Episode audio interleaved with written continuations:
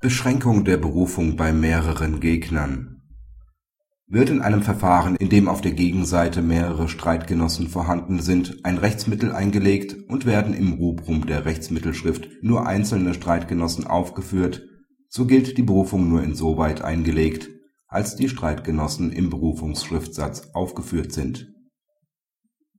Die gegen drei Beklagte gerichtete Klage war vom LG abgewiesen worden. Innerhalb der Berufungsfrist hatte der Kläger Berufung eingelegt und im Rubrum der Berufungsschrift nur die Beklagten zu eins und zu zwei aufgeführt, nicht aber auch den Beklagten zu drei. Später begründete er die Berufung aber auch gegen den Beklagten zu drei. Das OLG hat die Berufung insoweit nach § 522 Absatz 1 ZPO als unzulässig verworfen. Die hiergegen erhobene Rechtsbeschwerde hat der BGH ebenfalls als unzulässig verworfen Sie sei zwar statthaft, aber unzulässig, da die Voraussetzungen des § 574 Absatz 2 ZPO nicht gegeben seien und eine Entscheidung des BGH zur Sicherung der einheitlichen Rechtsprechung nicht erforderlich sei.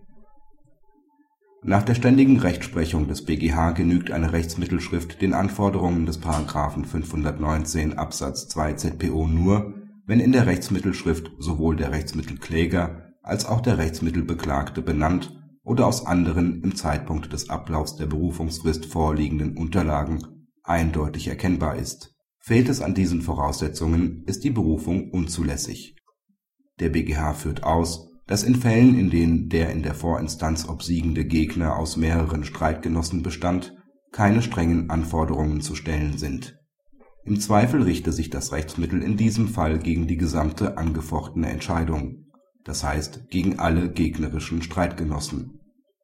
Etwas anderes gelte aber dann, wenn die Rechtsmittelschrift eine Beschränkung der Anfechtung erkennen lasse.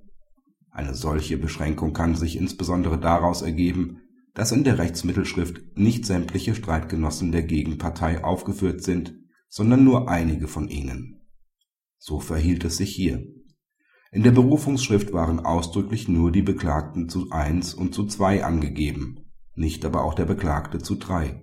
Da sich aus anderweitigen Umständen bis zum Ablauf der Berufungsfrist keine anderen Umstände ergaben, war die Berufungsschrift folglich dahingehend auszulegen, dass diese sich auch nur gegen die Beklagten zu eins und zu zwei richten sollte, nicht aber auch gegen den Beklagten zu drei. Praxishinweis Soll der Anwalt in einem Verfahren, in dem auf der obsiegenden Gegenseite mehrere Streitgenossen beteiligt sind Rechtsmittel einlegen, so sollte er sich innerhalb der Rechtsmittelfrist Klarheit verschaffen, gegen wen das Rechtsmittelverfahren durchgeführt werden soll.